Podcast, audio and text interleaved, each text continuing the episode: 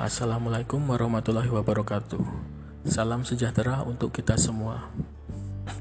Eh, senang sekali di hari yang cerah ini saya bisa mendapat kesempatan kembali untuk bisa mencurahkan segala unek-unek, segala perasaan, segala kebimbangan, segala asa yang ada di dalam hati ini sudah lama terpendam di dalam kalbu sanubari sehingga bisa dilepaskan lagi, diungkapkan lagi kepada para pendengar Bakti Lovers yang setia.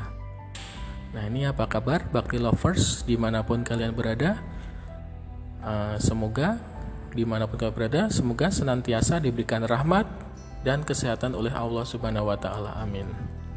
Nah, jadi baiklah, uh, unek-unek saya kali ini adalah mengenai integrasi nasional. Nah, seperti kata bijak mengatakan bahwa tak kenal maka tak aruf. Oleh sebab itu, eh, di permulaan kita kenalan dulu dengan apa itu integrasi nasional. Jadi, makanan apa sih integrasi nasional atau apa sih integrasi nasional? Nah, kita cari dulu definisi dari integrasi nasional. Ini ada dua kata yaitu integrasi dan nasional. Uh, yang pertama, menurut Oxford Learner Dictionary, integrasi atau integration merupakan the act or process of combining two or more things so that they work together. Jadi integrasi merupakan suatu upaya maupun suatu usaha atau suatu proses mengkombinasikan dua atau lebih hal-hal sehingga hal-hal tersebut bisa saling bekerja sama. Itulah integrasi. Jadi disatukan agar hal-hal yang berbeda tersebut bisa saling bekerja sama.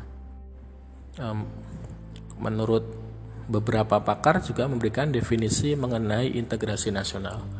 Ini ada Safrudin Bahar menyatakan bahwa integrasi nasional adalah upaya menyatukan seluruh unsur suatu bangsa dengan pemerintah dan wilayahnya.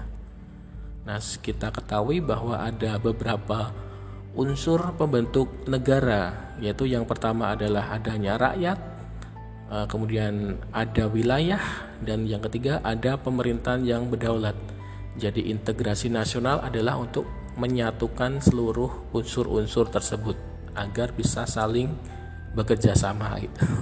Menurut Safrudin Bahar. Kemudian ada juga ahli atau pakar yang lain. Ini menurut Riza Nur Afani mendefinisikan integrasi nasional merupakan uh, pembentukan suatu identitas nasional dan penyatuan berbagai kelompok sosial budaya ke dalam suatu kesatuan wilayah.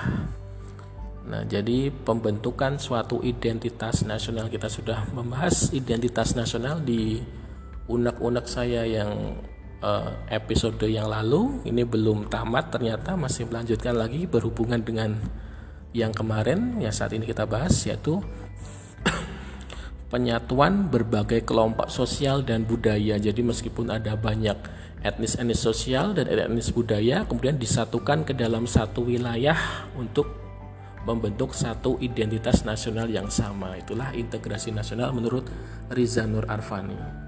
Kemudian ada pakar yang lain lagi, Ramlan Subakti menyatakan bahwa integrasi nasional adalah suatu proses penyatuan berbagai kelompok sosial budaya dalam suatu kesatuan wilayah dan dalam suatu identitas nasional. Ini jadi mirip dengan pendapat dari Riza Nur Arfani tadi. Jadi adalah penyatuan dari berbagai perbedaan yang dibedakan karena wilayah, karena adanya beda sosial, ada bedanya budaya, perbedaan etnis kemudian disatukan ke dalam satu wilayah dan satu pemerintahan kemudian dibentuk satu identitas nasional yang sama. Jadi itulah integrasi nasional yang akan kita bahas di kesempatan hari ini ya jadi sudah kenal ya apa itu integrasi nasional jadi sudah tidak ada lagi salah kaprah nanti dikiranya integrasi nasional adalah uh, suatu penyatuan dua insan manusia yang saling menyayangi, saling merasa memiliki, kemudian disatukan ke dalam ikatan pernikahan. Nah, itu mungkin juga integrasi, tapi bukan integrasi yang kita bahas saat ini ya, Bakti Lovers. Kalau integrasi yang semacam itu saya juga mau. Ini karena saya juga belum menemukan uh, integrasi saya ini. Tapi kita tidak membahas penyatuan dua individu tersebut. Kita membahas tentang integrasi nasional. Baiklah uh, ada ahli lagi? Agar kita lebih kenal lagi apa itu integrasi nasional menurut pakar yaitu bernama Sona Kurana. Ini merupakan pakar yang berasal dari India uh, menyatakan bahwa integrasi nasional atau national integrasi in, national integration adalah the awareness of a common identity amongst the citizen of a country. It means that thought we belong to different castes, religions, and regions and speak different languages, we recognize the fact that we are all one. Jadi menurut Sona Kurana ini, national integration atau integrasi nasional merupakan suatu kesadaran tentang common identity atau identitas bersama amongst the citizen di setiap uh, warga negara di sebuah bangsa.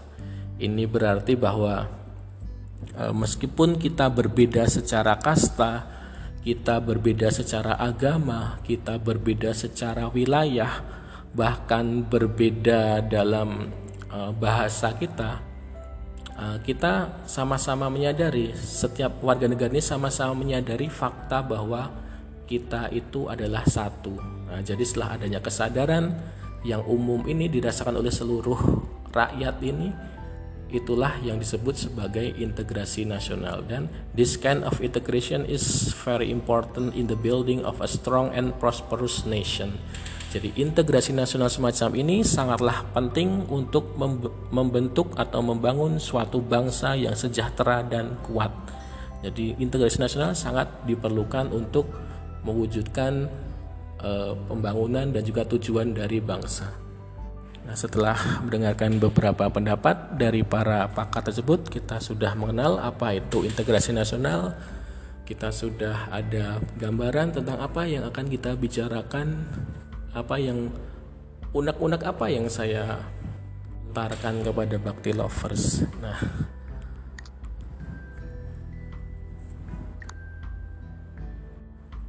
Nah, uh, kita lanjutkan. Karena sudah kita mengetahui apa definisi integrasi nasional, kita lanjut kepada macam-macam integrasi. Jadi ini ada pakar bernama Myron Weiner menyatakan ada beberapa jenis integrasi. Yang pertama adalah integrasi bangsa. integrasi bangsa adalah the process of bringing together culturally and socially discrete groups into a single territorial unit and the establishment of a national identity. Jadi ini hampir sama dengan uh, pendapat pakar tadi bahwa integrasi bangsa adalah suatu proses untuk menyatukan grup-grup yang berbeda secara budaya dan secara sosial ke dalam satu teritorial atau satu wilayah dan juga untuk membentuk suatu identitas nasional. Jadi integrasi bangsa sama dengan uh, yang diutarakan oleh pakar-pakar yang tadi tersebut. Kalau kalau kita contohkan integrasi bangsa adalah ya negara Indonesia ini bangsa Indonesia ini terdiri dari berbagai suku, berbagai budaya, berbagai agama, berbagai wilayah, kemudian bisa diintegrasikan dalam satu wilayah menjadi satu wilayah dari Sabang sampai Merauke dan juga membentuk satu identitas nasional yang sama, yaitu apa?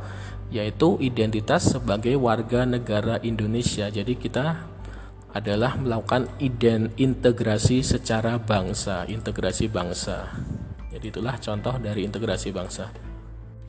Yang kedua adalah integrasi wilayah.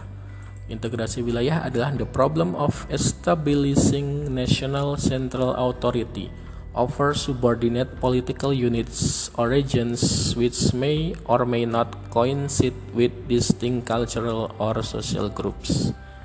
Jadi integrasi wilayah ini akan merujuk pada masalah pembentukan wewenang kekuasaan antara pusat terhadap unit-unit sosial yang lebih kecil di bawahnya yang beranggotakan kelompok-kelompok sosial budaya masyarakat tertentu itu.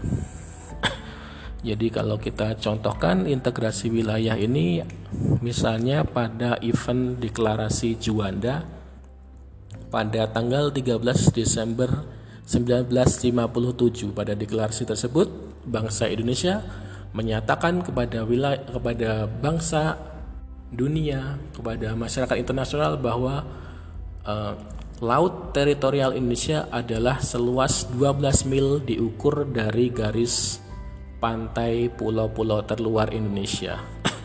Dengan ada, adanya deklarasi Juanda ini, maka seluruh kepulauan Indonesia, seluruh wilayah NKRI dari Sabang sampai Merauke menjadi bersatu secara wilayah. Karena tidak ada laut bebas, tidak ada laut lepas di dalam wilayah NKRI. Jadi kita bersatu secara wilayah. Deklarasi Juanda tahun 57 ini nantinya juga akhirnya diakui pada sidang PBB yaitu melalui United Nations Convention on the Law of the Sea atau UNCLOS tahun 1982 dan mengakui bangsa Indonesia sebagai archipelagic state atau negara kepulauan. Jadi itulah uh, contoh mudahnya integrasi wilayah. Yang ketiga adalah integrasi nilai. Integrasi nilai adalah the process in evolving a minimum value consensus necessary to maintain a social order. Jadi merupakan proses uh, atau merujuk pada adanya konsensus atau kesepakatan terhadap nilai-nilai minimum yang perlu di uh, perlu dijaga untuk memelihara tertib sosial. Jadi ini kita contohkan saja misalnya orang kenduri misalnya Ya, itu kan orang-orang berkumpul karena adanya suatu nilai yang dijunjung dan harus dijaga agar bisa uh, memelihara tertib sosial yaitu nilai-nilai kebersamaan, nilai-nilai saling tolong menolong, nilai-nilai bermusyawarah, nilai-nilai uh, sosi nilai-nilai sosial. Jadi uh, nilai-nilai kita kan sangat berbeda dengan nilai-nilai barat yang individualis gitu. Jadi kita lebih menjunjung nilai sosialisme, kita lebih menjunjung nilai-nilai kemasyarakatan, nilai sosial, kita melakukan kenduri hajatan jika ada orang yang ya yang sedang hajatan atau yang sedang ada pernikahan atau ada kitanan atau ada yang meninggal itu karena kita berkumpul karena ada nilai-nilai yang kita jaga. Jadilah contoh dari integrasi nilai. Yang keempat adalah integrasi elit massa, yaitu merupakan the problem of linking government with the governed. Jadi integrasi elit massa ini berhubungan dengan uh, menghubungkan antara pemerintah dengan yang diperintah. Jadi agar bisa uh, mengeliminasi atau menghilangkan perbedaan-perbedaan aspirasi dari daerah agar sama agar bersatu dengan uh, agar sama dengan pemerintahan di pusat gitu. Uh, kita contohkan saja yang mudah integrasi elit massa adalah saat adanya presiden yang mengunjungi korban bencana alam. Itu kan dari pusat ke daerah semakin bersatu itu. Kemudian jika ada presiden yang mengumpulkan para gubernur-gubernur di daerah untuk rapat di istana negara itu juga salah satu integrasi antara elit dengan masyarakat. Kemudian yang kelima adalah integrasi tingkah laku.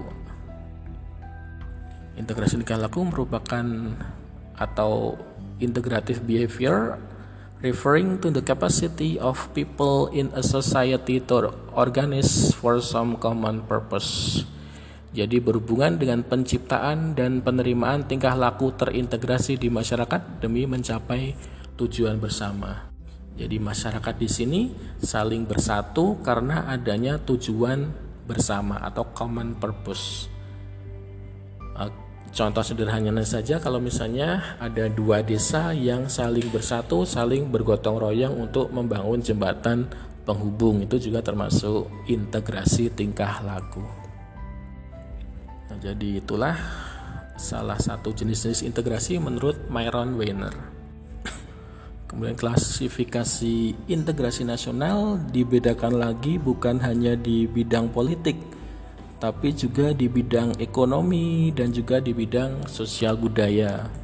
Uh, kalau di bidang politik atau integrasi politik ini dibagi lagi menjadi dua, yaitu integrasi dimensi vertikal dan dimensi horizontal. Dimensi vertikal berarti uh, para pihaknya tidak sejajar karena vertikal atas dan bawah uh, hampir mirip dengan ya sama dengan integrasi elit dan massa tadi yaitu antara hubungan elit politik dengan masa pengikut pengikutnya atau hubungan antara penguasa dengan rakyatnya. Itulah dimensi vertikal. Sedangkan dimensi horizontal adalah integrasi yang antara pihak-pihaknya dalam posisi yang sama. Misalnya karena horizontal misalnya saja integrasi atau persatuan yang berhubungan dengan masalah teritorial atau masalah antar daerah, antar suku, antar umat beragama dan golongan masyarakat di Indonesia. Jadi itulah contoh dari dimensi horizontal yang para pihaknya uh, sederajat gitu. Uh, kemudian integrasi di bidang ekonomi bisa terjadi jika dalam suatu daerah itu saling mengadakan kerjasama karena mereka saling bergantung jadi akhirnya mereka bersatu untuk memenuhi kebutuhan hidupnya. Kalau contohnya integrasi ekonomi ini misalnya eh, ada masyarakat ekonomi ASEAN atau globalisasi atau pasar bebas itu juga bisa disebut sebagai integrasi ekonomi atau penyatuan secara ekonomi karena daerah-daerah atau negara-negara menjadi saling ketergantungan saling bekerja sama untuk uh, memenuhi kebutuhannya. Jadilah integrasi juga bukan hanya di bidang hukum saja atau di bidang politik saja, tapi juga dari bidang ekonomi dan juga bidang sosial budaya.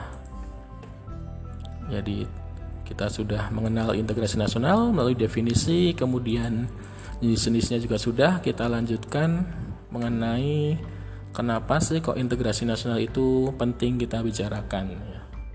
Nah, jadi bahwa seluruh bangsa, seluruh negara-negara di dunia ini mempunyai masalah yang yaitu masalah mengenai bagaimana menyatukan keanekaragaman orang-orang yang ada di dalamnya agar mereka mempunyai rasa persatuan, kehendak untuk bersatu dan secara bersama bersedia membangun bangsa tersebut. Jadi bisa dibilang eh, integrasi nasional merupakan masalah yang ingin diatasi oleh seluruh setiap negara yang ada di dunia ini. Seluruh negara di dunia ini memang berusaha agar unsur-unsur bangsanya ini bisa bersatu. Kenapa? Nah, untuk bisa menjawab pertanyaan ini mungkin kita harus merenungkan dulu apa yang keadaan yang bagaimana yang bisa terjadi pada negara yang mengalami disintegrasi jadi disintegrasi itu adalah kebalikan dari integrasi yaitu keadaan yang terpecah belah. Keadaan yang terpecah belah tidak bersatu padu, hilangnya keutuhan ataupun persatuan itulah disintegrasi. Nah, mungkin kita contohkan saja pada negara-negara yang mengalami perang saudara. Eh, kita bisa melihat keadaan-keadaan yang terjadi di benua Afrika. Jadi di benua Afrika itu mereka bukan hanya dibedakan secara melihat di negara-negara Afrika, mereka mempunyai banyak kekayaan alam, mempunyai banyak minyak, banyak emas, banyak intan, namun sayangnya mereka tidak pernah merasakan kedamaian. Ada banyak pemberontakan di misalnya di negara Nigeria, di negara Sudan itu mereka banyak sumber daya alamnya tapi termasuk ke dalam negara yang miskin dengan penduduk yang miskin itu kan sebuah ironi karena mereka tidak mempunyai persatuan dalam penduduknya. Eh, terjadi banyak pemberontakan, saling berperang antara rakyat dengan uh, kepala negaranya, dengan pemerintahnya, sibuk uh, set, uh, sibuk untuk menimbun kekayaannya kekayaannya sendiri. kalau kita lihat di berita kan selalu pasti ada serangan-serangan dari para pemberontak itu baik serangan ke gereja, serangan ke masjid, serangan ke mana-mana ya kan mereka melakukan genosida di mana-mana. Mereka melakukan pembunuhan, pembantaian, pemerkosaan terhadap warga-warga di sana karena keadaan mereka sudah terpecah belah, sudah sangat terpecah. Karena banyaknya perbedaan tadi, perbedaan etnis, perbedaan suku. Kita tidak perlu bertanya lagi bagaimana keadaan penduduknya di sana, pastinya akan sangat menderita boro-boro bisa mengenyam pendidikan yang baik. Untuk makan saja bakalan kesulitan. Boro-boro untuk bisa makan agar bisa uh, agar bisa tetap hidup di kemudian hari saja mereka was-was karena selalu ada berita-berita penyerangan, berita-berita pemboman, berita-berita ya penyerangan seperti itu. Jadi itulah yang terjadi jika suatu negara itu sudah mengalami disintegrasi, mengalami peperangan di dalam negerinya karena adanya civil war atau perang bersaudara. Eh, contoh yang lain saja, negara yang mengalami perpecahan di masa pembentukannya di masa lahirnya tapi sudah mengalami perpecahan ini di negara Sri Lanka. Jadi di Sri Lanka itu terdapat dua etnis yaitu etnis Sinhala yang asli Sri Lanka dengan etnis Tamil yang bukan pendatang dari India. Etnis Sinhala itu uh, mempunyai bahasa Sinhalese dan agamanya Trevada Buddha sedangkan Tamils menggunakan bahasa Tamil dan agamanya beragama Hindu. Jadi saat pembentukan negara Sri Lanka itu mereka tidak terjadi kesepakatan atau integrasi mengenai identitas nasionalnya. Jadi uh, etnis Sinhala ini ingin agar negara Sri Lanka nantinya akan beragama Buddha dan menggunakan bahasa nasionalnya adalah bahasa Sinhalese. Sedangkan dari etnis Tamil ini tidak setuju. Mereka ingin bahwa Sri Lanka yang negara merdeka yang baru merdeka nanti akan menggunakan bahasa Tamil dan agamanya Hindu karena tidak terjadi kesepahaman sehingga kedua etnis tersebut saling berperang gitu. Jadi Sri Lanka ini mengalami disintegrasi bahkan saat uh, dia sedang berdiri menjadi negara. Setelah terjadi banyak perang, perang Elam pertama pada tahun 1976 Perang Elam kedua, Perang Elam ketiga sampai tahun 2002 ini akhirnya pemberontak yang dinamai Macan Tamil ini uh, kalah dengan pemerintah Sri Lanka. Baru akhirnya bisa mulai adanya integrasi di Sri Lanka. Jadi kita patut bersyukur dahulu saat bangsa Indonesia merdeka, para founding fathers kita saling berlapang dada untuk tidak ngotot memaksakan kehendak agar budaya mereka dijadikan identitas nasional. Jadi untungnya saja bangsa Indonesia dulu bersepakat bahwa Pancasila adalah dasar negara, bahwa bahasa Indonesia adalah bahasa persatuan kita. Nah, jadi kita bisa tidak senasib dengan negara Sri Lanka ini. Nah, jadi bisa disimpulkan kenapa integrasi nasional itu penting, yaitu integrasi nasional perlu karena untuk menciptakan kesetiaan baru terhadap identitas baru yang disepakati dan dibuat selanjutnya. Jadi begitu kita merdeka menjadi negara Indonesia, kita sudah mempunyai kesetia, kesetiaan terhadap identitas baru yaitu setia terhadap identitas kita sebagai warga negara Indonesia. Kita bukan lagi setia terhadap orang Jawa, kita bukan hanya setia terhadap orang Bangka, orang Sulawesi, orang Papua, tapi kita setia kepada bangsa Indonesia. Selain itu, integrasi nasional juga sangat diperlukan oleh eh, saya ulangi, integrasi nasional sangat dibutuhkan oleh suatu bangsa agar bangsa tersebut bisa mencapai tujuan negaranya. Kenapa? Karena suatu pemerintah hanya akan mampu uh, memenuhi tujuan uh, tujuan negaranya yaitu masyarakat yang adil dan makmur jika terdapat uh, persatuan dari setiap potensi masyarakat. Jadi setiap potensi masyarakat itu mau bersatu dan bekerja bersama untuk mencapai masyarakat yang adil dan makmur itu. Potensi masyarakat baik itu dari kalangan pebisnis, dari kalangan petani, dari kalangan pendidik, kalangan peneliti, itu semua saling bersatu eh, digerakkan, mau digerakkan dan mau diarahkan oleh pemerintah agar bisa mencapai masyarakat yang adil dan makmur secara merata demikian. Jadi itulah pentingnya integrasi nasional. Semoga bangsa kita akan selalu bersatu, selalu berintegrasi. Jangan sampai ada keinginan-keinginan untuk memisahkan diri dari NKRI, jangan sampai ada upaya-upaya untuk mengadu domba. Jangan sampai ada diskriminasi terhadap suatu daerah. Hal ini agar kita jangan sampai terpecah belah, jangan sampai kita terkena disintegrasi. Bentuk dari disintegrasi bisa berupa pertentangan fisik, bisa berupa perkelahian, bisa berupa tawuran, kerusuhan. E, kalau skalanya lebih meningkat lagi, tentu saja menjadi revolusi, bahkan perang. Jangan sampai kita mencapai disintegrasi tersebut. Pokoknya yang pisah-pisah itu kan selalu sedih kita sudah punya pacar, sudah sayang, sudah sayang-sayangnya eh jadi pisah. Itu kan akan sedih banget, akan sangat hancur banget hati kita. Nah, jadi jangan sampai kita terintegrasi. Baik Bakti Lovers ini sudah hampir 30 menit uh, kurang dan uh, kalau ada kesalahan kata saya mengucapkan mohon maaf um, ini versi satu untuk selanjutnya akan saya tambah lagi.